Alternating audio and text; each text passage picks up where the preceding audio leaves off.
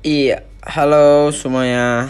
Balik lagi di 30 hari bercerita di podcast podcast Pamungkas. Ih ya Allah semangat banget gue openingnya. Eh, gue mau bilang sorry ya guys, gue kemarin 4 hari nggak upload gitu kayak kesannya ada yang nungguin dan menanti nanti gitu loh. Eh, padahal ya gitu yang dengerin aja cuma berapa? Nggak banyak. Nggak apa-apa tapi maksud gue gue cuma kayak ngerasa eh lepas dari komitmen aja gitu kan. Kalau 30 hari berpodcast harusnya ya nggak putus gitu. Cuma kemarin eh keputus selama empat hari. Karena satu agak bingung hari Jumat ya kita ngomongin hari Jumat dulu. Hari Jumat itu agak bingung mau ngomongin apa. Terus akhirnya mikir mikir mikir kelewat. Eh selain apa karena kesibukan juga ya maksudnya ada yang ada aja yang dikerjain kemarin dari hari Jumat itu. Eh jadi mau ngomong apa ya di belum kepikiran tapi udah keselak sama kegiatan yang lainnya gitu terus habis itu Sabtu Sabtu tuh sibuk ini. Aku tuh lagi eh, ngincer-ngincer gitu loh pengen pakai Vespa Matic. Eh, jadi ngehunting Vespa Matic eh, ke beberapa tempat gitu tapi belum ada yang cocok. Eh terus abis itu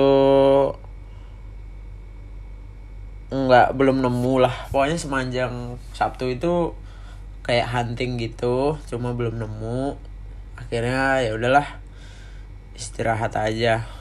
Eh dari Jumat juga sih itu sebenarnya. Dari Jumat udah nyari nyari terus capek kan malamnya. Jadi ya udahlah eh, belum tahu mau ngomongin apa juga. Akhirnya minggu ming kalau minggu ada tamu. Jadi teman-teman gue pada bukber di sini nongkrong begadang sampai eh pagi. Sampai matahari naik lagi gitu eh begadang. Itu makanya gue jadi eh jamnya agak kacau lagi nih tidurnya. Ini belum tidur juga nih gue ngetek podcast nih di hari Selasa pukul 4 lebih 44 tanggal berapa sih ini? 20 eh, April. Gue belum tidur kali ini. Jadi terus Senin harusnya semalam ngeteknya. Cuma eh akhirnya ya udahlah di take sekarang aja. Nggak apa-apa lah. Eh yang penting utangnya 30 hari cerita nanti. Eh, perkara eh, bisa dikerjain terus-terusan eh itu kan 30 hari bercerita 30 hari berpodcast. Eh pokoknya hitungannya nanti lunas aja. Perkara nanti bisa dibikin terus-terusan oke. Kalau dibikin sesempatnya juga nggak apa-apa lah ya. Toh juga ini kan bukan industri gitu loh nggak ada tuntutan. Jadi sebenarnya emang nggak perlu gimana gimana juga gitu paling ya gitu sih maksudnya eh sebagai seorang yang memiliki integritas gitu. Sih gitu integritas nggak tuh berat banget bahasanya. Gue merasa kayak mm, kurang gimana gitu ya kurang kalau nggak konsisten tuh kurang nyaman aja nggak enak gitu. Dan kesannya jadi kayak nggak komit gitu dan eh apa ya mungkin kalau bisa kon- konsisten itu kunci penting dari segala bentuk kesuksesan sih menurut gue karena kalau lu ngelakuin sekali dua kali tiga kali putus habis itu lama ntar sambung lagi putus lagi nyambung lagi putus lagi nyambung lagi gitu. Kayak hubungan ya. Nggak tapi maksud gue kalau kayak gitu sejauh gue berpengalaman dalam kehidupan ini nggak ada satupun yang yang gue bisa melihat kesuksesan dari uh, etos kerja yang seperti itu gitu. Uh, karena komitmen dan konsistensi uh, persistence itu sangat penting untuk uh, melahirkan kesuksesan gitu. Jadi makanya gue ngerasa kayak nggak enak sendiri gitu loh. Uh, namanya 30 hari per podcast tapi putus di jalan gitu. Putus putus di episode keberapa? Kemarin baru baru empat kali take. Dan terakhir take juga gitu dongeng nggak jelas. Sosokan menceritakan sebuah kisah tapi uh, kayak nggak tahu lah. Gue kalau gue pikir-pikir lagi ih gue ngomong apa ya kemarin ya? Gak jelas banget. Ya mudah-mudahan yang dengerin maksudnya bisa menikmati sih. Walaupun gue nya sendiri kayak ngapain ya gue itu maksudnya yang dengerin juga uh, ada sih. Cuma nggak banyak emang. Tapi tetap ada yang dengerin ternyata. Karena gue nggak share di di instastory juga. Karena itu tadi ngerasa kayak, kayak ngapain ya gue cerita kayak gini? Terus kalau gue share kan kesannya kayak ngapain ya gue cerita-cerita kayak gini gue share gitu malu gitu. Buat yang eksklusif aja yang emang bener-bener uh, nungguin cerita gue hmm, silahkan uh, mendengarkan gitu. Ya anda adalah orang-orang yang beruntung. Beruntung gak tuh? Beruntung atau sial malahan? Gue ngapain ya dengerin cerita ini? Nggak penting juga kata dia. Intinya begitulah ya Terus episode kelima dari 30 hari berpodcast ini gue pengen sharing tentang apa ya? Uh, mungkin ada kaitannya tentang postingan gue hari ini. Gue hari ini tuh ngepost tentang campaignnya Adidas. Jadi impossible is nothing. Uh, made possible with Adidas gitu. Jadi um, intinya uh, kita tuh punya mata untuk melihat sesuatu dan bereaksi pada pada satu hal tersebut sesuai dengan daya berpikir kita gitu. Kayak kalau gue kata-kata yang gue pilih adalah ketika orang lain uh, melihat itu adalah sebuah kegagalan buat gue itu adalah sebuah motivasi untuk menjadi seorang juara gitu. Uh, orang melihatnya gagal gagal gagal padahal uh, itu adalah hal yang memupuk uh, semangat untuk untuk keberhasilan sebenarnya setiap setiap kegagalan itu gitu. Jadi uh, kata-katanya kan where some where some see failure I see the motivation behind every champion. Jadi uh, di mana beberapa orang mau lihat itu sebagai kegagalan saya melihat itu adalah motivasi dibalik semua kemenangan gitu. Kurang lebih gitu ya. Failure. Gitu nggak? Gitu nggak sih pronunciationnya? Failure. Eh ini gitulah. Uh, jadi menurut gue tuh gagal itu nggak ada sebenarnya tapi belajar.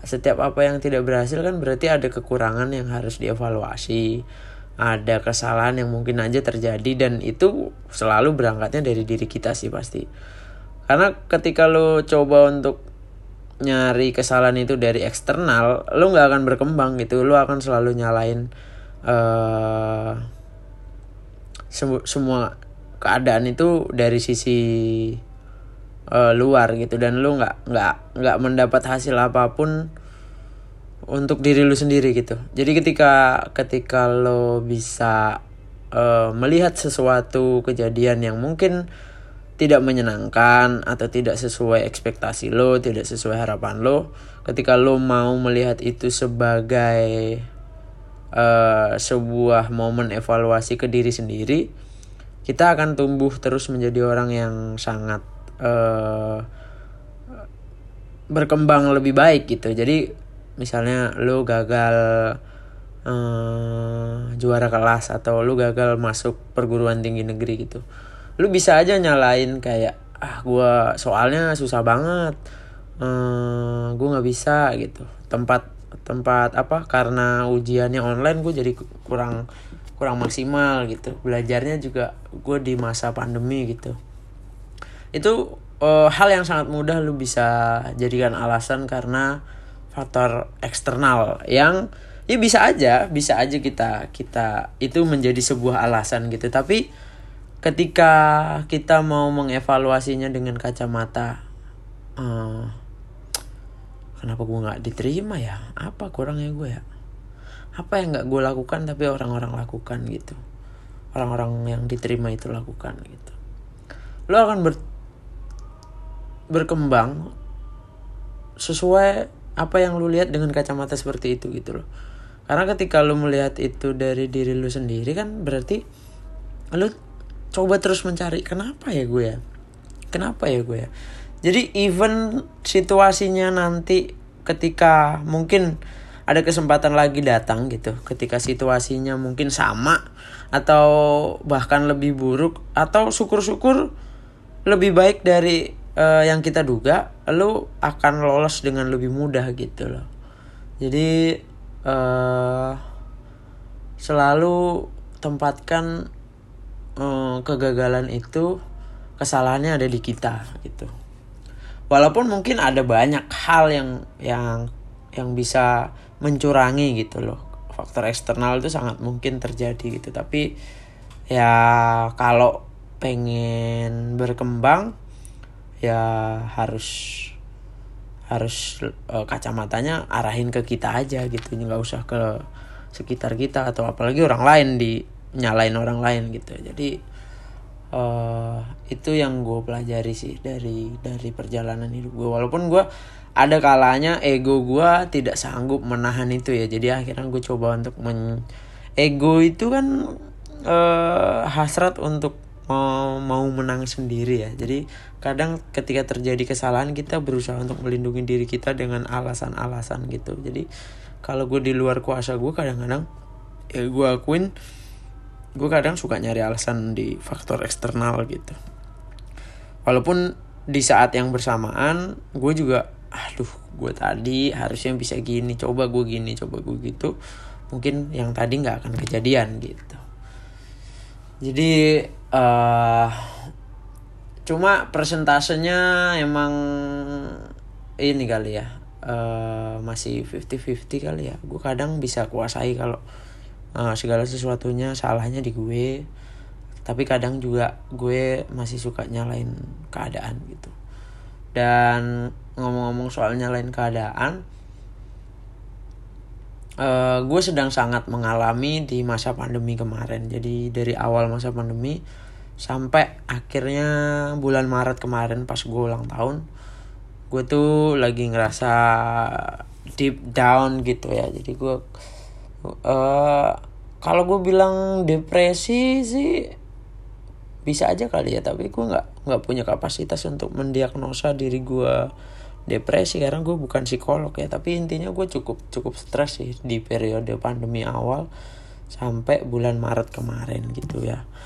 Karena uh, mungkin teman-teman juga bisa ngerasain sih maksudnya uh, Dodit nih lain nih dari biasanya gitu. Nggak uh, mungkin nggak seceria biasanya mungkin uh, mungkin bisa ngerasain lah beberapa gitu. Walaupun ya beberapa kali juga masih sempat bercanda apa segala macam tapi itu kan sementara sebenarnya. Jadi dalam hatinya masih remuk. Uh, mungkin ini juga yang ber membuat beberapa mungkin kepo juga. Eh tapi kepo gak sih? Nggak ya tapi kepo nggak kepo kalian gue pengen sharing karena uh, ini kemarin cukup membebani gue jadi gue harap dengan gue cerita ini artinya gue udah bisa berdamai dengan masalah gue yang kemarin masa lalu gitu ya. Uh, dan gue bisa menatap uh, masa depan gitu dengan dengan dengan lebih dengan lebih tegap karena gue nggak perlu malu nunduk-nunduk lagi. Gue nggak nggak nyimpen beban gitu loh karena gue simpen nggak gue ceritain gitu. Jadi akhirnya uh, akhirnya gue pendem sendiri gitu tuh nggak bagus juga sebenarnya. Jadi gue coba untuk sharing ya hari ini. Jadi mungkin untuk beberapa teman yang ngerasain uh, apalagi dari khususnya dari sosial media. Gue anaknya kan udah terlanjur sosial media banget ya uh, semenjak hmm, apa namanya ketemu pasarnya gitu ketemu ketemu kolamnya gitu loh. Uh, masuk di lari kan lumayan uh, ngebangun banget uh, sosial media ya. Jadi hidup gue tuh udah terbiasa banget yang namanya bikin konten uh, ngapa apa namanya tentang Instagram gitu dilakukan karena emang menyenangkan aja tadinya gitu. Kayak seru aja gitu besok posting apa ya besok posting apa besok bikin konten apa uh, besok bikin lucu-lucuan apa besok bikin instastory apa. Bukan bukan besok sampai sampai diceritain besok gitu aja. Eh semuanya terjadi aja daily gitu loh secara organik gitu. Jadi kayak kalau gue ngerasa eh jadi gue nggak ada plan gitu nggak ada gue besok mau bikin ini gitu. Tapi lebih kepada uh, salah gue tadi berarti ngomongnya bukan besok gue bikin konten apa besok bikin konten. Nggak nggak nggak seperti itu. Tapi lebih kepada setiap hari selalu ada aja yang bikin gue ah gue bikin konten ah. Terus kepikiran apa lagi ah gue bikin ah. Terus kepikiran lagi gue bikin ah gitu. Dan itu terjadi setiap hari uh, dan gue menikmati itu menyenangkan sekali waktu pada saat itu kemarin gitu Uh, dan karena menyenangkan itu menjadi candu bisa jadi tapi uh, itu juga kayak bagian dari pekerjaan gue gitu loh uh, bermain dengan Instagram tuh kayak uh, ngebikin konten ngolah terus mikirin caption apa segala macam itu tuh uh, jadi satu kegiatan yang cukup menyenangkan dan uh, cukup membantu uh, survive-nya gue juga sih. Maksudnya karena dari sosial media juga mendatangkan pendapatan gitu. Jadi akhirnya ya udah kenapa enggak gitu loh melakukan hal yang menyenangkan bonusnya menghasilkan gitu dari bermain sosial media. Jadi makanya oh, sebenarnya bisa kelihatan banget ketika gue kemarin memang lagi down aktivitas Instagram gue jadi nggak kayak biasanya gitu. Gue lebih yang tadinya uh, Instagram tuh kayak buat kerjaan sekarang bener-bener jadi um, sosial media gue aja es personal gitu es orang yang uh, ya orang seumuran gue punya sosial media post yang ke sana mungkin uh, lebih ke postingan yang untuk teman-teman aja gitu loh. Tapi gue nggak close friend gitu ya udah di post post aja gitu. Kalau mungkin biasanya di postnya untuk close close friend untuk konsumsi teman-teman aja ini ya udah gue ratain aja semuanya jadi jadi teman gue yang sudah follow gitu. Karena kalau sebelumnya kan memang konten banget ya maksudnya uh, postingan itu ditujukan kepada orang-orang yang memfollow uh, khususnya di circle lari gitu. Sebelumnya tuh selalu bikin konten kita atau bikin konten bercandaan ya itu bonus aja. Jadi sebenarnya yang yang beberapa orang cari di Instagram gue adalah memang uh, running knowledge gitu ya. Tapi begitu setelah uh, follow ada bonusnya ngelihat story mungkin ada bercandaan-bercandaan gue gitu. Jadi uh, selama pandemi kemarin sosial media gue juga jadi berubah berubah isi gitu. Gue jadi lebih kayak uh, orang biasa aja gitu memposting uh, tanpa beban kayak eh gue punya followers ya kok gue postingnya gini? Nggak ada nggak ada beban kayak gitu. Udah pokoknya Eh, posting posting aja gitu. Jadi akhirnya hmm, berubahlah uh, bisa dilihat gitu dari sosial media. Dan mungkin sekarang ada di fase orang-orang udah mulai kayak uh, capek kali ya. Kayaknya nggak seinteraktif dulu gue main sosial media. Maksudnya dari segi komen terus antusiasme orang tuh udah nggak kayak dulu lagi gitu. Jadi kayak uh, lebih biasa-biasa aja kayaknya sekarang. Tapi bagus sih sebenarnya bagus. Cuma ada kalanya gue juga kangen juga sih dalam arti loh kok sepi ya? Reaksinya nggak terlalu nggak kayak dulu lagi. Padahal kontennya udah konten-konten lari lagi gitu. Tapi uh, ternyata berubah juga. Tapi ada sisi ada sisi bagusnya adalah gue udah nggak capek-capek lagi nih ngurusin uh, demandingnya para followers gitu loh. Para teman-teman Instagram ya bukan followers. Karena gue nggak ngerasa punya followers sebenarnya mereka adalah orang pengun orang yang menggunakan Instagram uh, yang kebetulan memfollow aja gitu. Karena mungkin mereka melihat ada manfaat dari akun Instagram gue gitu. Kalau followers kan kesannya kayak uh, pengikut yang kayak gue tuh siapa gitu loh padahal kan enggak gitu biasa-biasa aja. Di uh, teman-teman Instagram tadi mau ngomong apa kan? Lupa anjir ngeblank. Eh guys gimana dong ini ngeblank? Pokoknya gitulah ya. Uh, intinya aduh lupa lagi beneran lupa gue mau ngomong apa. Kalau nggak nyambung sama sebelumnya nggak apa-apa ya. Nah, kita sambung lagi.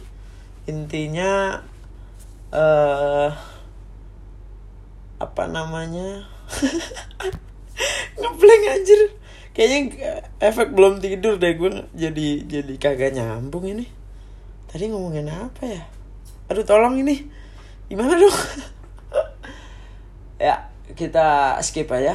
Intinya uh, eh, gue bisa dilihat lah harusnya dari sosial media. Kalau peka gitu.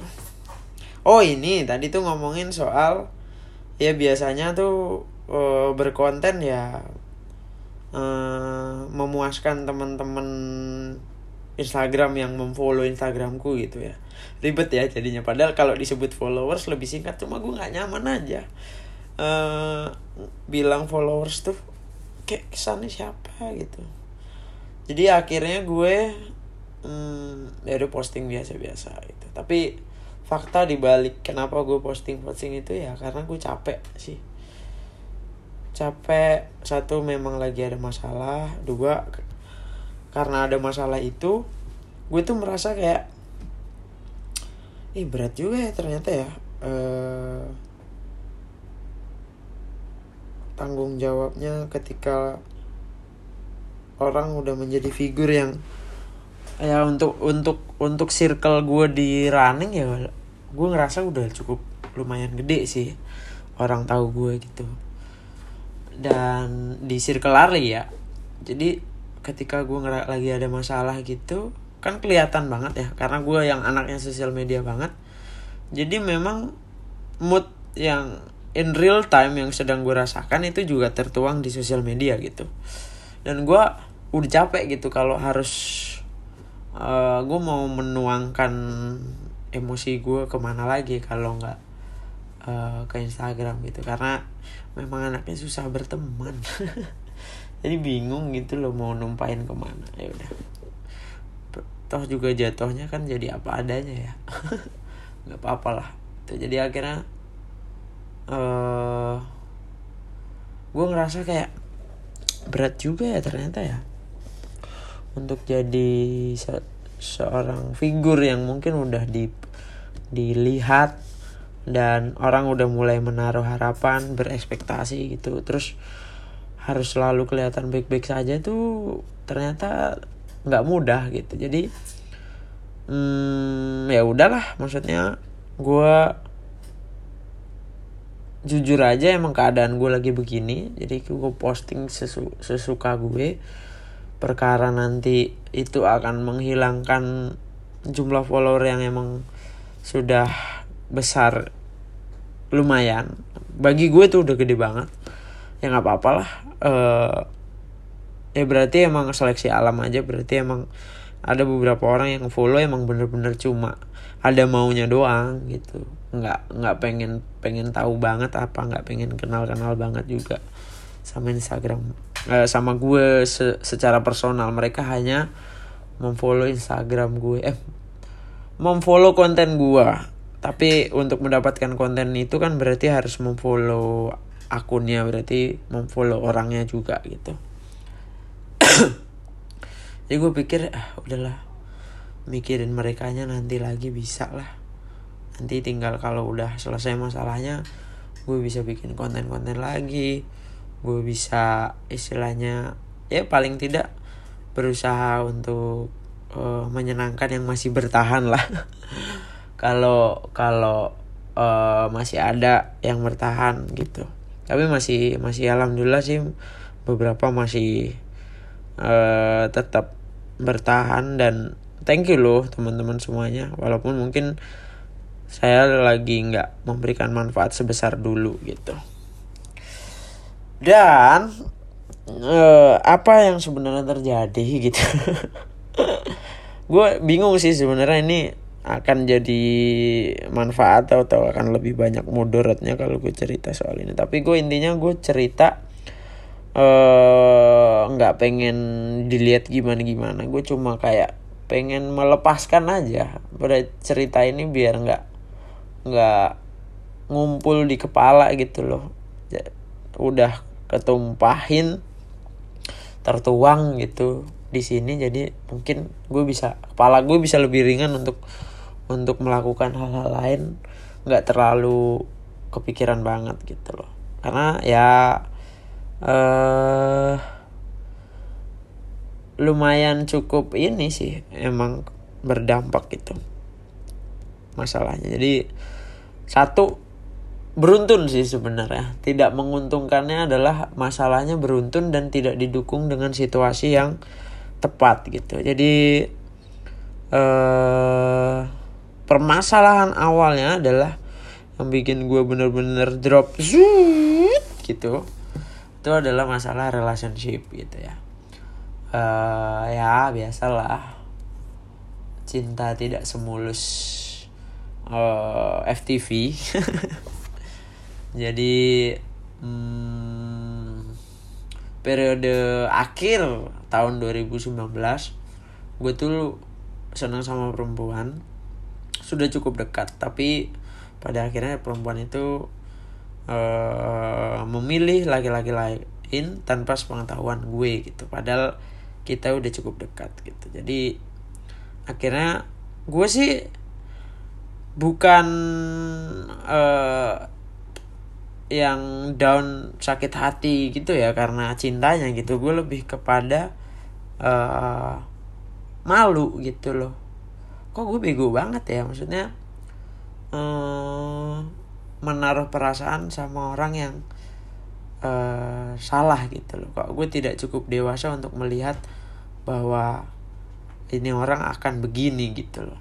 Jadi akhirnya kayak memalukan aja gitu. Memalukan dan uh, ketika gue merasa gue udah bertumbuh menjadi orang yang lebih baik gitu. Kan gue udah cerita ya kemarin gue tuh orang kayak kayak gimana sebelumnya gitu. Orang yang minder orang yang istilahnya banyak takutnya karena selalu dapat larangan yang keras dari orang tua gitu. Jadi e, ketika gue bisa bertumbuh menjadi sosok yang istilahnya ya bisa dicontoh bisa dicontoh lah.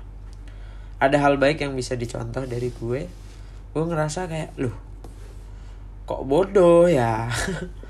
Uh, masalah ini gitu loh. Gue pikir gue udah cukup berkembang lebih baik gitu. Ternyata uh, gue tolol masih tolil tolil gue sih nggak masalah maksudnya ya emang relationship ini kan pilihan ya. Maksudnya kalau kalau dia nggak milih gue uh, seiring berjalannya waktu gue juga pasti akan ya ya udahlah memang mau di mau diapain lagi emang bisa dipaksain. Tapi yang bikin gue down adalah kok gue bodoh aja gitu. Kenapa kenapa gue masih sebodoh itu ketika suka sama orang? Padahal kalau gue bisa kontrol lebih baik maksudnya gue nggak perlu sedown itu gitu loh. Jadi akhirnya ya udah. Itu trigger pertamanya. Jadi akhirnya mood mood tuh udah gak bagus. Yang tadinya udah cukup lumayan bisa minder. Eh bisa ngilangin minder. Sekarang mindernya udah mulai turun lagi tuh. Karena eh kok gue bego ya? Dibodoh-bodohin perempuan gitu loh. Jadi akhirnya kan yang bikin gue kemarin cerita yang bikin gue bisa selamat dari rasa minder adalah gue membuat se sebuah pencapaian yang mana pencapaian itu menjadi sumber kepercayaan kepercayaan diri gue gitu. Salah satunya dari lari. Berarti kalau akhir 2019 berarti gue habis sukses breaking three waktu itu. Jadi itu itu membuat suntikan kepercayaan diri gue lumayan lah. Maksudnya uh, gue tuh jadi orang nggak payah-payah banget kok gitu. Gue berhasil melakukan sesuatu gitu. Uh, yang mungkin nggak nggak banyak orang umum paham sih maksudnya. Uh, prestisnya apa sih? Menjadi seorang pelari yang bisa maraton di bawah tiga jam gitu. Mungkin tidak ada tidak menjadi prestis yang umum untuk diketahui banyak orang. Tapi bagi gue itu udah cukup prestis dan mendorong diri gue untuk lebih percaya diri deket sama orang gitu. Uh, eh, PDKT sama perempuan gitu. Eh ternyata langsung zlup dilelepin gue dong. Jadi malu. Akhirnya kayak aduh insecure lagi. Insecure-nya lebih kepada kayak kok gue bodoh sekali gitu. Bukan kar bukan kayak kok dia lebih milih orang lain gitu ya nggak apa-apa. Kali itu mah kan pilihan ya maksudnya uh, emang gue bisa maksa apa untuk orang bisa nyeneng lebih seneng ke gue gitu loh kalau emang perasaannya ke sana gitu. Ya itu tapi gue lebih ke ke malu aja. Untuk kok gue bodoh ya gitu itu trigger pertamanya. Jadi akhirnya ya udah uh, kepercayaan diri lagi nggak bagus. Uh, motivasi juga lagi jadi jadi turun banget drop. Makanya kan pas nusantaran pas nusantaran gua eh, DNF kan. Karena ya emang keadaannya lagi nggak bagus kondisi psikologis dan mental gua uh, sebelum mendekati hari H persiapan Nusantara itu kan emang bener-bener uh, baru kejadian gitu ya. Jadi gue akhirnya mood kayak mau lari itu males. Kayak meratapi gitu loh rasa insecure itu makin makin diratapi. Terus kayak ah males ah gitulah. Pokoknya ah sebel banget ah gue gitu kenapa harus harus begini sih? Maksudnya kalau gue senangnya sama tuh perempuan nggak berlebihan gitu mungkin gue masih bisa biasa aja. Tapi gue udah terlalu menaruh terlalu banyak gitu loh uh, perasaan gue di sana gitu. Jadi akhirnya ah bego nih gue gitu. Akhirnya kayak terus kayak gitu latihan enggak. Akhirnya ya udah karena itu adalah sebuah komitmen tanggung jawab untuk sebuah misi ya menggalang dana gitu. Janjinya kan emang saya akan berlari uh, saya yang berlari kalian yang berdonasi gitu. Karena udah banyak yang berdonasi ya gue sebagai pengepul gimana sih namanya? Sebagai orang yang mengumpulkan donasi ya gue ber harus bertanggung jawab menyelesaikan misi, misi. gue sih sebenarnya pengennya ya selesai gitu. Tapi nggak usah kenceng-kenceng nggak usah nggak usah yang gimana gimana yang penting finish gitu loh. Tapi ternyata emang di uh, latihan nggak bisa bohong gitu. Satu bulan sebelum event kayaknya bener-bener sama sekali nggak lari. Padahal harusnya untuk untuk event ultra ya kita harus punya mileage yang tinggi ya. Maksudnya harus punya kilometer yang besar untuk dialami sebelum mengalami kilometer yang sebenarnya gitu. Sepanjang 170 something gitu untuk dari uh, Jogja ke Ponorogo gitu. Akhirnya gue terhenti di kilometer 80-an gitulah. Karena kakinya udah bener-bener sakit itu. Telapak kaki tuh udah sakit dari kilometer 40 sebenarnya. Tapi gue coba untuk ya udahlah jalan aja jalan lari jalan lari. Yang penting nyampe kan finish uh, targetnya gitu. Cuma ternyata emang nggak udah nggak kuasa. Karena emang udah sakit banget. Udah jalan itu padahal. Nggak lari lagi udah udah di fase udah di titik gue cuma bisa jalan doang. Cuma nahan telapak yang ngilu. Gitu. Sampai hari ini beberapa kali kadang masih suka muncul sih ngilunya gitu kalau pemanasan yang kurang terus tiba-tiba lari gitu kadang suka muncul. Jadi ya kebodohan makin bertambah kan berarti kan? Kayak lo baru aja bodoh ketika suka sama perempuan lu bodoh lagi. Karena gara-gara tuh perempuan lu jadi nggak latihan efeknya domino gitu loh. Jadi akhirnya uh, eh, gue pun juga gagal menyelesaikan misi gue untuk uh, nusantaran gitu. Ya uh, sekali lagi kesalahannya di gue. Salah sendiri gitu kenapa nggak tetap latihan kenapa nggak kenapa mak kenapa kok sebegitunya mau terlarut sama masalah itu gitu. Padahal ya udah sih maksudnya lu masih punya tanggung jawab untuk diselesaikan. Sekalipun lu mungkin lagi sakit hati ya malu juga. Hmm, ya kan lu tetap punya misi yang harus diselesaikan. Harusnya lu tetap tanggung jawab di kepala gue itu. Karena apalagi pas melihat itu kan gue DNF ya. DNF habis itu gue uh, apa namanya?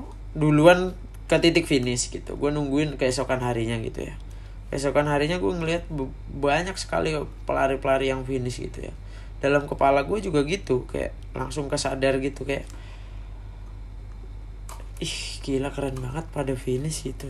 Maksud gue mereka nggak mungkin sih kalau nggak punya masalah pada selama persiapan tapi mereka adalah orang-orang yang komit untuk menyelesaikan misinya gitu. Jadi akhirnya masalah apa pun yang terjadi pada saat mereka latihan mereka tetap latihan gitu bodoh amat gitu. Tetap tetap harus komit latihan karena ini ultra gitu lari yang jaraknya jauh gitu 170 something. Tanggung jawab lu untuk latihan tuh harusnya lebih besar daripada harus terlarut sama masalah-masalah itu. Jadi ya udahlah penyesalan namanya juga uh, bodoh ya. Kebodohan manusiawi gitu ya tapi gue belajar sih maksudnya. eh, nggak uh, ada untungnya juga gitu. Tapi pada saat itu juga uh, gue juga nggak bisa melawan perasaan gue yang emang lagi nggak uh, bagus gitu loh. Ya mungkin belum sedewasa itu sih gue uh, mengelola perasaan yang gue gue alami gitu pada saat itu gitu. Itu sih terlalu banyak menaruh perasaan ekspektasinya ketinggian realitanya tidak sesuai gitu kan. Jadi akhirnya ya gitulah. Efeknya domino. Dari situ ngerasa gagal lagi insecure lagi motivasi turun lagi. Ah elah bodoh gitu. Lagi-lagi uh, blaming myself too much gitu. Ya terlalu menyalahkan diri sendiri yang yang yang berlebihan gitu loh. Akhirnya berlebihan banget. Dan itu nggak bagus gue sadari sekarang. Nah mudah-mudahan sih nggak akan terulang lagi ya. Uh, kebodohan-kebodohan seperti itu. Jadi uh, semoga aja terakhir setelah gue bisa mengatakan ini berarti kan gue udah belajar banget. Jadi jangan sampai gue masih mengalami uh, kegalauan yang sama gitu di di kemudian hari. Uh, gue memaknainya gitu sih. Mungkin gue dihantam masalah se sekeras ini adalah uh, bentuk dari Allah gedein gue secara personality gitu loh. Sebelum gue menjadi orang yang lebih besar lagi lu harus bisa nguasain ini dit gitu. Ini gue kasih pelajaran uh, kayak gini nih jadi lu adepin lu kuasai emosi lu lu kontrol diri lu. Dalam kondisi apa pun lu harus tetap uh, bisa mengatasinya gitu. Nah belajarnya dari ini dulu deh gitu. Kayak kayak ke sana gitu gue uh, pada saat kejadian itu tuh. Terus uh, belum sempat mau bangkit uh, ke trigger masalah baru dan itu adalah masalah keluarga gitu. Jadi permasalahan relationshipnya belum cukup. Baru dipahami konsep uh, oh gue harus gini oh yang kemarin itu emang begini. Jadi dalam konsep pemahaman tentang masalah dan mencoba untuk memikirkan solusinya ada masalah baru muncul. Masalahnya tentang keluarga gitu. Ya singkatnya gini lah. Masalah keluarganya adalah uh, memang keadaan keluarga yang kurang harmonis uh, membuat uh, keluarga gue tuh uh, ya masa kecil gue menggambarkan sih sebenarnya kan. Gue selalu bilang kalau uh, dari masyarakat yang eh masyarakat dari orang yang kurang berada gitu. Karena memang uh, biasa orang biasa gitu. Guru tapi uh, guru zaman dulu kan masih belum semakmur sekarang ya tunjangannya apa segala macam. Terus ibu juga cuma jualan nasi di pasar gitu. Uh, ekonomi juga kali ya akar permasalahannya. Jadi uh, kekurangan ekonomi jadi banyak memicu keributan gitu memicu kesalahan. Jadi kadang kalau kesulitan tuh jadi kayak saling menyalahkan nih gara-gara kamu gara-gara kamu gitu dan itu terjadi sama bapak sama ibuku gitu. Jadi dan itu udah permasalahan klasik sebenarnya. Tapi gue nggak pernah menganggap itu sebagai sebuah masalah. Ya udah biasa aja kayaknya emang uh, keluarga kayak gini deh. Selalu selalu ada keributan yang terjadi. Keluarga orang juga kali. Uh, pada saat itu nggak nggak sedalam itulah mikirin soal keributan keluarga tuh. Ya intinya kalau bisa sih itu jangan terjadi. Itu nggak nyaman aja dengernya orang berantem gitu kan pada saat ke waktu kecil gitu. Uh, udah biasa tapi ya gitu masih utuh gitu loh. Nggak nggak yang gimana gimana gitu. Setelah terjadi pertengkaran tuh nggak nggak yang outputnya tuh masih ya udah kita tetap jadi satu keluarga gitu. Nah pada saat pandemi kemarin itu dengar kabar kalau di rumah uh, tidak kondusif gitulah istilahnya. Um, bapak sama ibu memutuskan untuk nggak serumah lagi gitu. Shock terapi banget kan maksudnya wow ya Allah gini amat nih ujiannya biar gue bisa jadi orang yang lebih besar lagi uh, harus bisa mengatasi hal-hal ini semua gitu. Uh, ya akhirnya berdampak banget sih itu. Jadi kayak karena gue tuh selama ini nggak pernah merasa keluarga gue tuh broken gitu loh. Selama sebelum sebelumnya tuh gue nggak pernah ngerasa kalau uh, keluarga gue tuh broken home gitu. Jadi gue ngerasa kayak selalu gue anggap biasa aja dan malah justru gue bangga banggain kan. Karena memang bapak sama ibu tuh oh, dari keluarga yang berbeda dengan agama yang berbeda juga gitu loh. Jadi eh, bapak kan muslim ibu non muslim Kristen Protestan gitu. Tapi kita utuh walaupun dengan segala keributannya eh, keluarga kita tuh tetap utuh sampai hari ini gitu.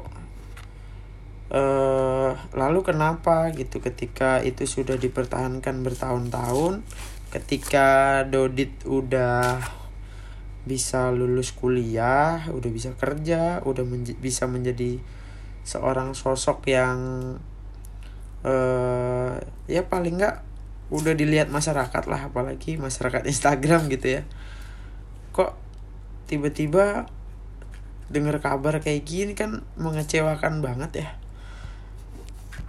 jadi guanya nggak siap gitu loh. Pada saat kondisi gue juga lagi nggak bagus gitu psikologis gue udah kehantam realita relationship.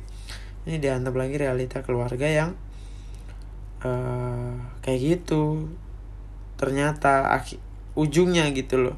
Selama ini gue udah bangga banggakan orang tua gue adalah orang tua yang uh, plural gitu loh. Yang uh, lumrah meng, meng menghadapi perbedaan gitu loh. Bapak mah udah jelas muslim ibu Kristen. Kita anak-anak juga bebas uh, milih. Nggak bebas juga sih sebenarnya. Ibu juga pengennya anak-anak pada ngikut ibu bapak juga. Kalau bapak sih lebih ngebebasin gitu. Tapi kalau ibu lebih kayak mengusahakan anak-anak tuh ngikut ibu gitu. Biasalah ego juga kali ya. Uh, dia pikir ketika kita masuk Islam itu um, memihak sama bapak gitu. Padahal enggak udah ini keyakinan yang kita ambil masing-masing aja gitu. Jadi akhirnya ya udah hmm, apa namanya hal yang selama ini gue banggakan selalu gue ceritakan ke orang-orang sebagai sebuah hal yang bisa gue banggain gitu loh. Eh keluarga gue nggak apa-apa loh ribut mulu tapi kita masih utuh nih uh, sampai hari ini menghadapi menghadapi perbedaan masing-masing gitu. Walaupun sebenarnya tidak bukan karena menghargai perbedaan juga sih. Kan nggak sempet. Orang miskin masa mikirin harus gimana gimana? Mikirin makan terus. Gimana besok bisa nyari duit? Gimana besok bisa nyari uh, duit buat makan buat bayar sekolah bayar LKS bayar buku anak-anak buat beli seragam? Mana sempet harus mikirin agama dan segala macam. Ya harusnya sempet sempet aja sih. Cuma emang karena kondisinya sesulit itu jadi kayak kon konsentrasinya tuh bener-bener habis untuk nyambung hidup nyari duit gitu. Jadi akhirnya memang gue tidak tumbuh dengan uh, apa ya religius gitu. Tidak tumbuh dengan religius gue karena emang dari keluarga ya tidak ada dorongan itu gitu loh. Uh, ya gue sih waktu kecil memang lebih sering ke gereja sih. Cuma itu karena kedekatan gue sama ibu ya udah itulah. Pokoknya permasalahan gue selanjutnya adalah dengar kabar rumah kayak gitu kan. Ya udah. Uh, akhirnya gitu. Hmm, bikin gue kayak anjir yang kemarin belum selesai nih harus ketemu masalah keluarga lagi gitu. Uh, gue nya mau ikut ribut kan maksudnya gue nggak terima gitu kenapa harus pisah gitu loh. Terus selama ini apa dong gitu? Aku udah berusaha buat lulus dan bisa mengurus uh, eh berusaha untuk cepet lulus jadi sarjana karena harapan orang tua kan anak laki-laki terakhir bisa jadi sarjana lah. Kita kan enam bersaudara gitu. Ada cewek dua hmm, eh iya cewek dua cowok empat gitu. Tapi tiga tiga dari empat cowoknya kan udah pada wirausaha dagang segala macem lah.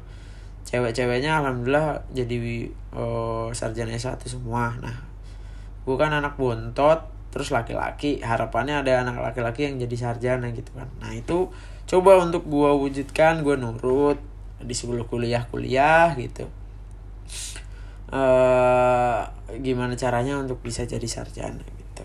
Ya paling nggak itu kan harapan orang tua. Dan gue sebagai anak gue mikirnya cuma bisa nurut untuk ya paling nggak apa yang jadi rencana orang tua bisa gue wujudkan gitu loh.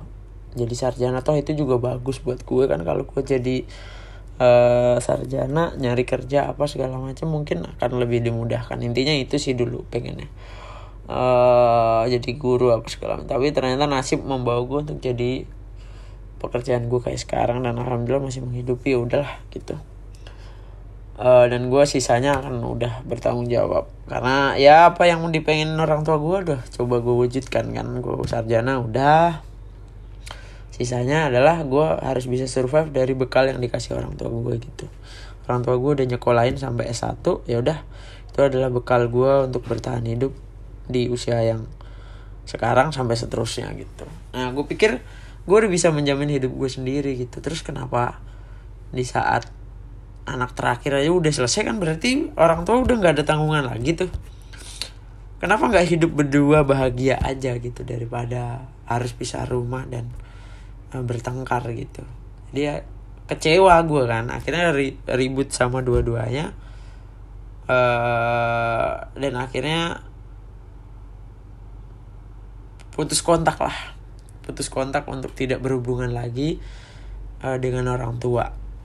Selama satu tahun lebih gue kayak aduh gitu. Gue jadi nyalain orang tua gue karena ya ampun bapak sama ibu tuh kenapa sih? Gitu loh. Kalian kok ribut kalian kok bisa meributkan hal-hal yang kadang-kadang kayak uh, ini anak-anak yang gedein siapa? Gitu. Ada yang ngerasa ngerasa lebih berjasa ada yang ngerasa uh, udah berjuang tapi gini lah gitulah pokoknya maksudnya ada ada kecemburuan ini gitu loh ngerasa ngerasa ada yang cuek ngerasa ada yang udah tapi mungkin kurang apa segala macem urusan orang tua lah gue uh, kurang paham detailnya dan kayaknya kalau terlalu detail juga nggak nggak seru diceritain. Gue nggak nyaman nyeritainnya. Intinya gitulah garis besarnya adalah terjadi keributan hampir uh, pisah rumah. Eh sempat ya sempat pisah rumah. Hmm, cuma nggak nggak divorce. Kayaknya berat di ongkos kalau mau cerai. Tapi mereka cuma hmm, sempat tidak serumah aja gitu. Itu kan cukup memukul gue ya kayak ya Allah gue di Jakarta berusaha sebisa mungkin untuk bisa jadi orang yang sehebat yang gue bisa gitu untuk ngebanggain kalian. Tapi yang di rumah malah kayak gitu gitu kan. Gue kecewa gue mulai menyalahkan mereka gitu ya. Nggak ada yang bener kalian tuh sebenarnya kalau dipikir-pikir gitu. Orang gue aja tumbuh jadi bocah yang minder nggak punya kepercayaan diri karena dari dulu selalu dilarang ini itu ini itu. Nggak pernah dapat kasih sayang gue nggak pernah cerita apa pun tentang kehidupan gue dalam asmara apa gitu. Padahal kan kadang remaja tuh butuh butuh pen, butuh pendampingan orang dewasa juga ya. Maksudnya kalau gue lagi suka sama perempuan cewek gitu atau gue lagi berantem sama temen mungkin kalau gue bisa cerita ke bapak ibu gue gitu akan lain gitu loh. Gue akan tumbuh jadi orang yang beda gitu. Tapi karena dari dulu selalu ribut mereka jadi kayaknya bukan solusi yang pas deh kalau kalau gue cerita ke orang tua ya. Mereka aja ngurus urusan mereka sendiri aja nggak bisa gitu. Berantem selalu di depan anak-anak gitu. Terus gue buat apa cerita sama dia kepercayaan gue luntur lah. Maksudnya gue biasa ngelihat orang tua ribut depan gue terus gue punya masalah gue mau cerita sama mereka kayak nggak yakin aja gitu. Ya mungkin ini pelajaran juga kali ya buat nanti kalian kalian yang akan jadi orang tua gitu. Hal hal-hal seperti itu tuh berdampak ke anak gitu. Kalau kalian jadi uh, akan banyak efek-efek domino lainnya yang akan muncul. Jadi hal eh, hal-hal seperti itu akan membuat anak mm, tidak nyaman padahal anak ini juga butuh uh, pendampingan orang tua ketika tumbuh kembang menjadi seorang remaja ke dewasa gitu loh. Ini kan butuh pemikiran orang-orang dewasa untuk mendampingi gitu. Jadi ketika anak remaja ini punya masalah, ketika dia bisa cerita ke orang tua, itu mungkin akan sangat membantu gitu. Jadi si anak ini nggak bisa tumbuh dewasa lebih baik gitu karena ada pendampingan orang tua yang baik. Tapi bagaimana si anak remaja ini mau cerita ke orang tuanya kalau dia melihat orang tuanya aja kayak ih yakin gue mau cerita ke mereka? Mereka aja urusan ribut-ribut aja masih di depan gue gitu. Maksudnya berarti kan dia nggak bisa nyelesain berdua dong. Sampai harus ribut di depan anak-anaknya gitu. Jadi anaknya jadi nggak nggak yakin sama mereka. Nah itu gue menyalahkan mereka dan gue bisa gue tumbuh jadi anak yang susah mendapatkan relationship uh, pacaran gitu. Gue susah banget gue untuk kayaknya gue bisa dihitung jari deh punya pacar maksudnya yang bener-bener pacaran gitu. Nggak cuma gebet-gebet deket jalan bareng gitu. Kalau yang bener-bener sampai pacaran tuh kayaknya cuma bisa dihitung jari gitu dan gue akhirnya melihat itu kayak ya elah ini pas coba gue dulu kalau dididik dengan bener gitu. Gue jadi karena karena memang lagi ribut sama orang tua jadi akhirnya gue coba mencari sisi kesalahan orang tua gitu loh. Ya walaupun itu bener juga sih bener buat evaluasi mereka bisa gitu. Tapi um, yang nggak bener adalah mencari-cari kesalahan orang tua itu nggak bener sebenarnya. Tapi mencari-cari kesalahan itu untuk dievaluasi ada benernya juga. Jadi ada positif negatifnya lah dari dari apa yang gue lakukan itu. Tapi uh, setelah gue pikir-pikir lagi setelah gue puncaknya sih di di ulang tahun gue ya. Gue kan selama satu tahun itu mengalami banyak peristiwa mengalami banyak uh, inspirasi dengan gue dengerin gue baca apa segala macam. Gue berpikir kayak buat apa ya gue musuhin orang tua gue ya? Maksudnya nggak ada gunanya. Gue gue sendiri ngerasa uh, itu menghambat gue secara nggak langsung. Karena gue ngerasa jadi orang yang punya masalah kan. Ketika gue aja punya masalah yang seserius itu terus gue mau sok-sokan menginspirasi atau uh, apa ya mau positif vibe pun juga susah guanya gitu. Maksudnya gue ya sedang ribut sama orang tua gue gitu. Terus gue sosokan di Instagram jadi orang yang menginspirasi itu kayak nggak pas aja guanya. Guanya sendiri juga nggak nyaman gitu loh. Gue akan menjadi kritikus pertama ketika gue menjadi orang yang sok-sokan bijak sok-sokan menginspirasi di sosial media. Tapi kenyataannya keluarga lu sendiri aja lu masih berantakan dit gitu loh. Kok lu bisa sih sok-sokan menginspirasi gitu? Gue uh, sisi jahat gue akan beri bilang kayak gitu ke diri gue sendiri gitu loh. Lu ngapain dit? Begini gitu. Lu nggak malu ya? Keluarga lu sendiri aja berantakan. Lu sok-sokan bijak kayak gini. Nggak valid omongan lu tuh dit gitu. Gue ngerasa diri gue kayak gitu. Makanya gue secara berkonten pun akhirnya berkurang kan? Karena gue mau menginspirasi kayak apa bu? Keluarga gue masih berantakan. Gue baru ribut sama orang tua gue gue lagi nggak ngomong sama keluarga gue gitu. Gue nggak gara-gara keributan itu gue jadi uh, tidak akrab dengan kedua orang tua gue jadi ketika gue mau menginspirasi pun juga susah gitu loh. Kayak gue mau berkaca anjir gue sok-sokan uh, positif sok-sokan memotivasi lu sendiri aja ngatasi masalah sama orang tua lu lu nggak bisa. Lu musuhin orang tua lu gitu kan. Gue gue sadar gue memusuhi mereka gue ribut sama mereka tapi gue juga sadar itu adalah tindakan yang nggak bagus sebenarnya untuk gue lakukan. Jadi akhirnya gue tersiksa sama pikiran itu terus uh, terbelenggu gitu. Gue nggak gerak gue nggak terlalu banyak uh, cincong gitu nggak terlalu banyak bikin ini itu A B C D gitu. Karena gue ya itu gue akan selalu jadi kritikus yang kayak ketika gue mungkin membuat sesuatu terus orang memuji orang mengapresiasi segala macam ya ilah. Ini orang-orang nggak tahu aja kelakuannya sama orang tua dilawan gitu. Gue nggak gue nggak nyaman sebenarnya uh, uh, sadar gue ribut sama orang tua terus gue untuk menjalani hidup normal-normal aja tuh nggak bisa. Gue gue sadar gue sedang bermasalah gitu. Gue nggak bisa baik-baik aja di di sosial media gitu. Itu akan sangat menyiksa diri gue sendiri juga anjir. Kok gue segininya amat ya pura-pura baik-baik aja gitu padahal gue lagi ada masalah gitu. Sampai akhirnya ya udah gue pikir-pikir gue nyari inspirasi gue banyak dengerin orang gue banyak uh, baca gitu ya. Ya udahlah nggak ada gunanya ini. Buat apa gue ngelawan orang tua musuhin orang tua?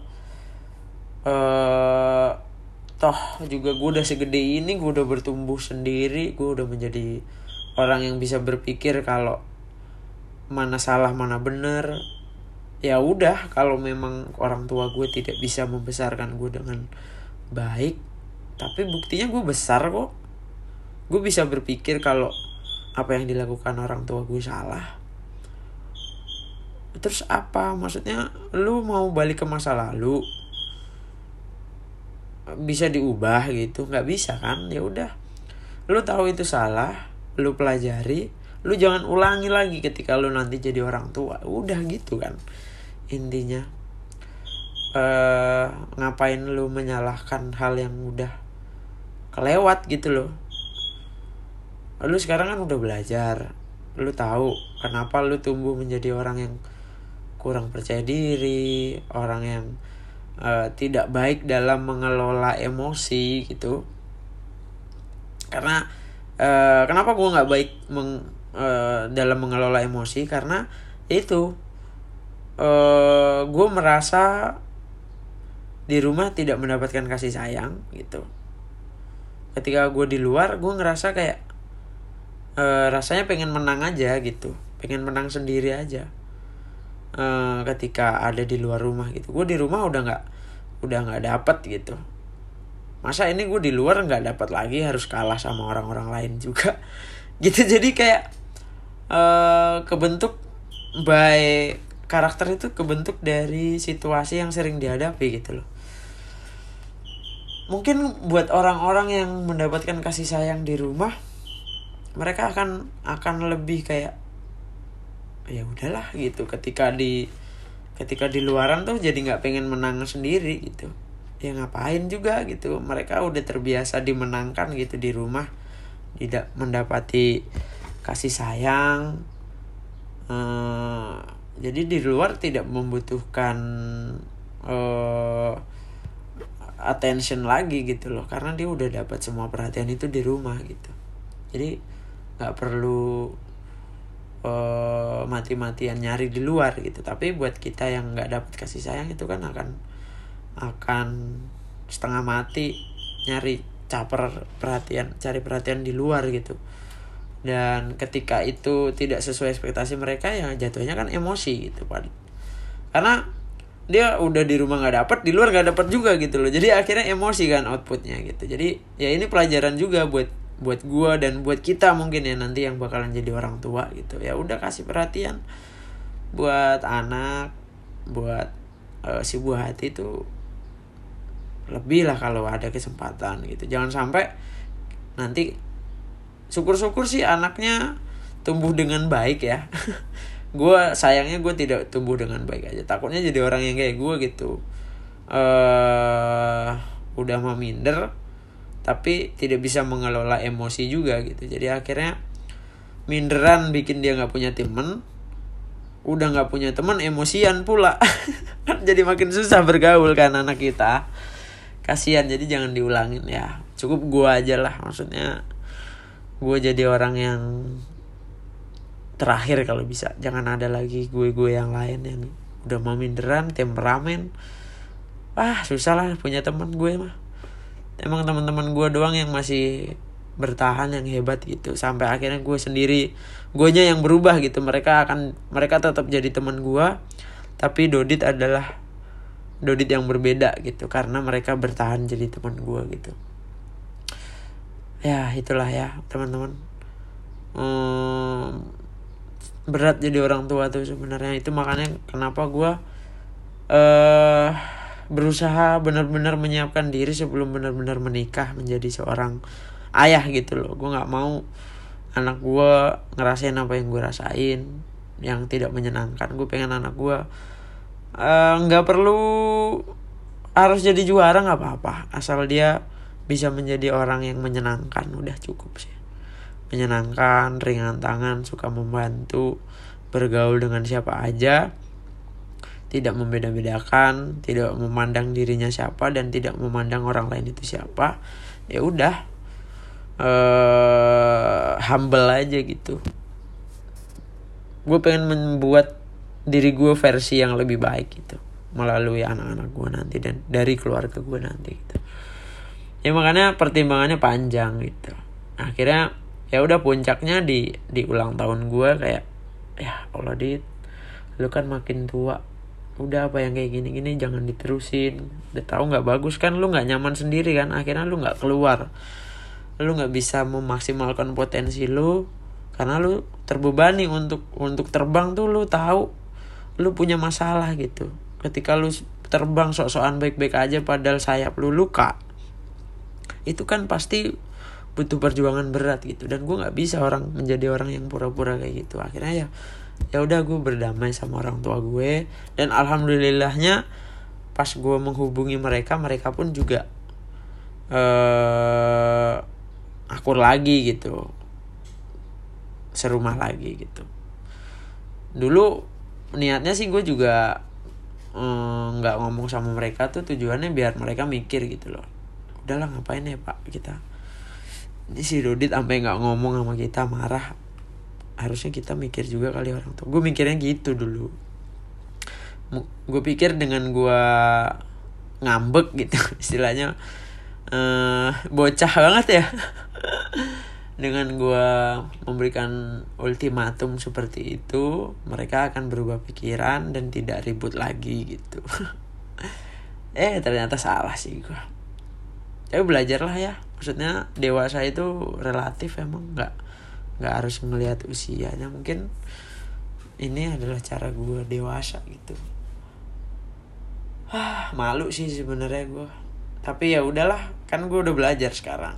Itu gue yang kemarin. Mudah-mudahan sih itu adalah uh, momen terakhir gue kayak gitu dan gue bisa lompat jauh menjadi sebenarnya gue mungkin udah dewasa secara pemikiran. Cuma mungkin kadang ego gue mengalahkan kedewasaan gue gitu. Karena mau menang sendirinya lagi keluar gitu. Dan itu berlebihan jadi akhirnya ya udah makin buruk aja outputnya. Dan kayaknya gue harus stop itu dengan uh, berdamai dengan semuanya. Dan mudah-mudahan dengan gue cerita kayak gini adalah jadi titik balik uh, turning point di mana gue tidak akan mengulangi hal-hal yang gue ceritain tadi. Kalaupun uh, eh, gue ulangin mudah-mudahan ada yang ngingetin ya. Uh, eh, gue nggak tahu sih mungkin teman-teman gue malah nggak nggak dengerin podcast gue ini. Tapi mungkin ini malah uh, didengerin sama orang-orang yang yang emang biasa nikmatin konten gue apa pun itu entah itu podcast entah itu caption di Instagram ini segala macam. Jadi thank you banget udah dengerin. Uh, permasalahan gue udah selesai tapi ya. Alhamdulillah gue sih sekarang udah ngerasa selesai ya. Uh, gue udah udah nggak ribut lagi sama orang tua gue gue udah akur lagi gue udah ngerasa nggak ada beban di situ. Jadi gue ketika gue mau melangkah gue udah yakin karena gue tahu restu restu orang gue orang tua gue tetap ada karena gue menjaga hubungan baik gue sama mereka. Udah baik-baik aja. Karena emang tenang loh namanya kita uh, mau ngapa-ngapain di dunia ini ketika kita tahu bahwa restu orang tua itu ada gitu. Doa orang tua itu ngiringin kita gitu uh, itu lebih menyenangkan ternyata. Daripada gue harus memusuhi mereka gitu. Uh, ya walaupun kalau dipikir-pikir apa yang gue salah-salahin dari mereka ya bener juga. Emang gue dulu terlalu banyak dilarang gue selalu dipukulin. Uh, mereka nggak sempat ngasih sayang mereka perhatian ke gua ngasih kasih sayang ke gua.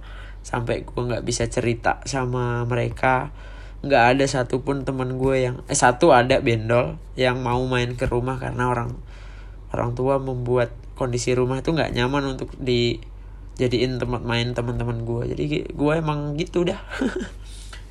Uh, ya udah tapi itu udah udah hal yang maksimal yang mereka bisa lakukan yang terbaik gitu untuk uh, gedein gue gitu. Dan alhamdulillahnya mereka berhasil kok. Mereka bisa menumbuhkan seorang anak bontot kayak gue yang pada akhirnya sekarang bisa menyadari. Kalau mungkin gue nggak disekolahin sama mereka gue nggak sadar kalau masa kecil gue itu ada banyak kesalahan yang harusnya nggak terjadi gitu. Sekarang gue bisa belajar dan gue mungkin bisa jadiin itu bekal buat keluarga gue sendiri nanti gitulah. Ya intinya gitulah ya teman-teman. Kalau ada kesempatan uh, tetap berbaikan sama orang tua dijaga aja lah jangan sampai. Nggak nyaman sih kalau gue pribadi sih nggak nyaman ternyata. Setelah gue coba sendiri gitu nggak nyaman lah. Uh, seburuk-buruknya orang tua gue gue lebih seneng gue akur sama mereka. Uh, gue ngelangkah juga jadi lebih pasti.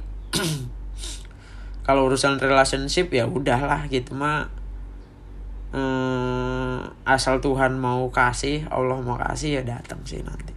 Asal guanya juga udah siap gitu. Guanya ternyata kan kenyataannya masih banyak hal yang nggak bisa gue kontrol dan gue kuasai secara dewasa gitu loh. Secara sikap dan perilaku gue masih belum sedewasa itu untuk uh, jadi laki-laki buat seorang perempuan gitu kan. Jadi nggak apa-apa mungkin emang nggak dikasih karena emang gue nya belum siap ya mudah-mudahan ini adalah tanda gue menjadi orang yang lebih siap menjadi seorang laki-laki ya. Maksudnya gue berdamai dengan semua ini gue bisa jadi lebih siap untuk uh, bisa jadi laki-laki buat uh, siapa pun jodoh gue nanti gitu.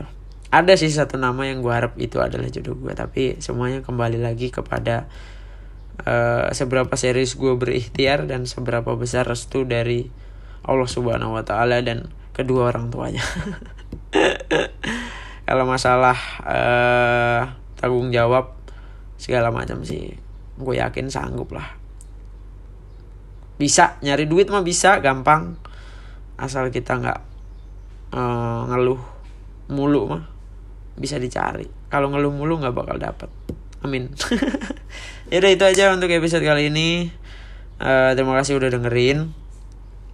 Uh, bermanfaat atau enggak intinya ini adalah sharing dari gue gue juga pengen meringankan kepala gue dari pemikiran pikiran-pikiran kayak gini dengan gue tumpahin mudah-mudahan nggak terlalu mengganggu lagi di kepala gitu.